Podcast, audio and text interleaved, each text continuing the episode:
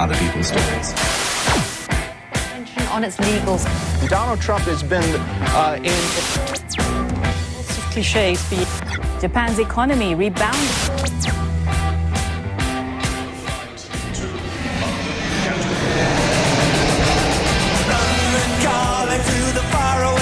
John Carlin, bon dia. Buen día, Roger. Com estàs?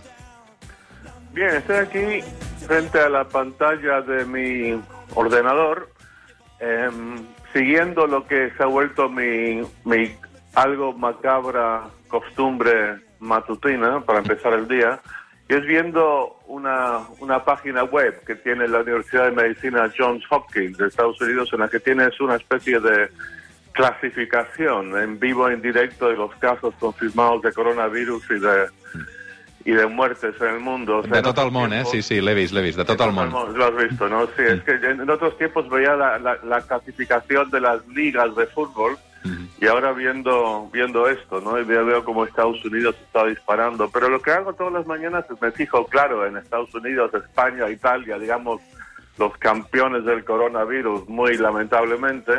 Eh, me fijo también en Reino Unido, que va también, se está acercando, yo creo que está en vías de acercarse a España y tal. Pero me fijo también especialmente en, en Suecia.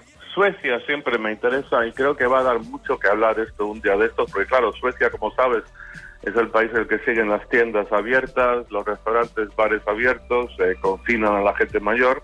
Y ahí lo que ves es que eh, menos de 10.000 casos, comparado con 160.000 más o menos en España, y 870 muertes comparado con 16.000 en España. Y después una cosa más, si me permite, Roger, Sí. es que después veo, voy a África. ¿Te acuerdas? La semana pasada, el sábado pasado, hablamos de África, ¿no? Y existe este gran temor en el mundo de que cuando esto llegue a África, que va a ser una catástrofe nunca vista.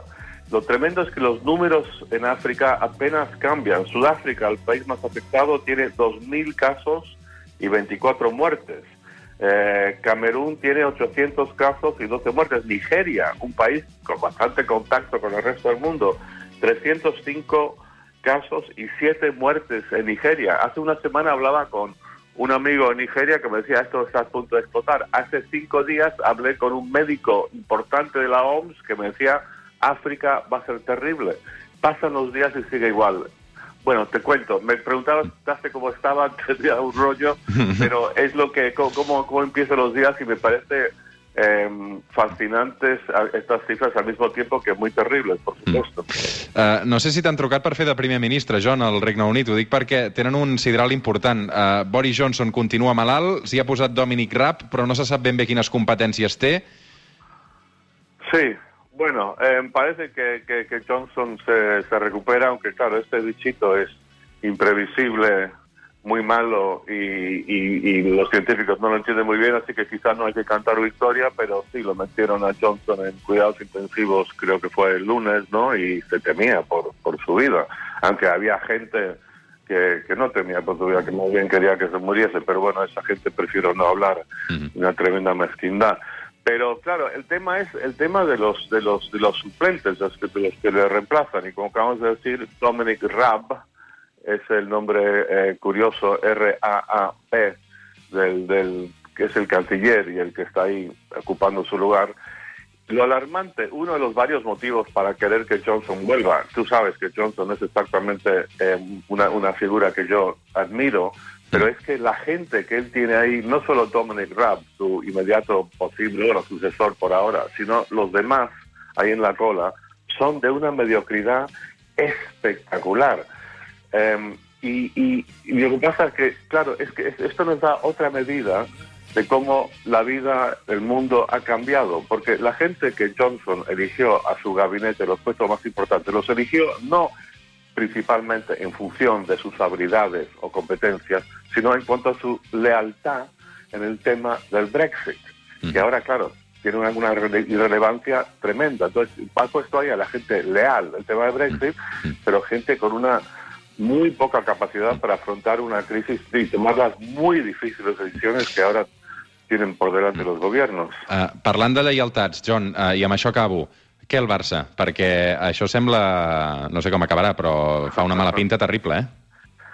Sí, sí, mira, em, me, me, me, cuesta, eh, te dije antes, ¿no? Que ahora en vez de ver las clasificaciones las ligas de fútbol, veo cómo van los números del coronavirus y no me cuesta, me cuesta pensar que, evitar pensar que hay algo un poco ridículo en toda esta gran explosión y broncas en el Barça en la situación actual en la que, en la que está el mundo.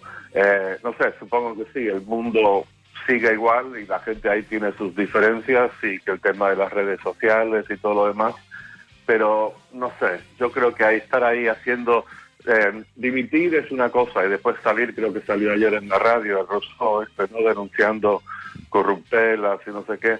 Bueno, mira, puede ser, pero, pero en el contexto que vivimos en el mundo me parece una ridiculez estar montando estos pollos en este momento en el Barça o donde sea, la verdad. Mm.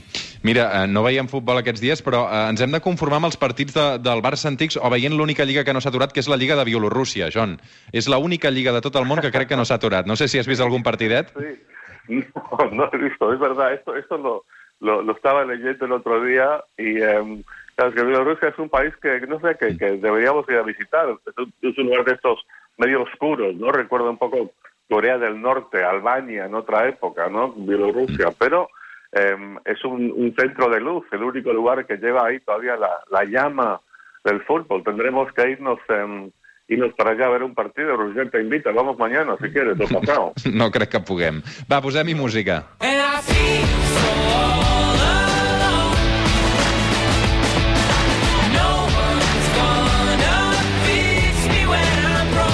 Avui arribarem a les 9 amb una cançó que descriu la situació en què ens trobem molts de nosaltres, també alguns que presideixen el Futbol Club Barcelona, All Alone, dels nord-americans, fan. John Carlin, una abraçada, cuida't molt. Una abraçada, cuida't, Roger.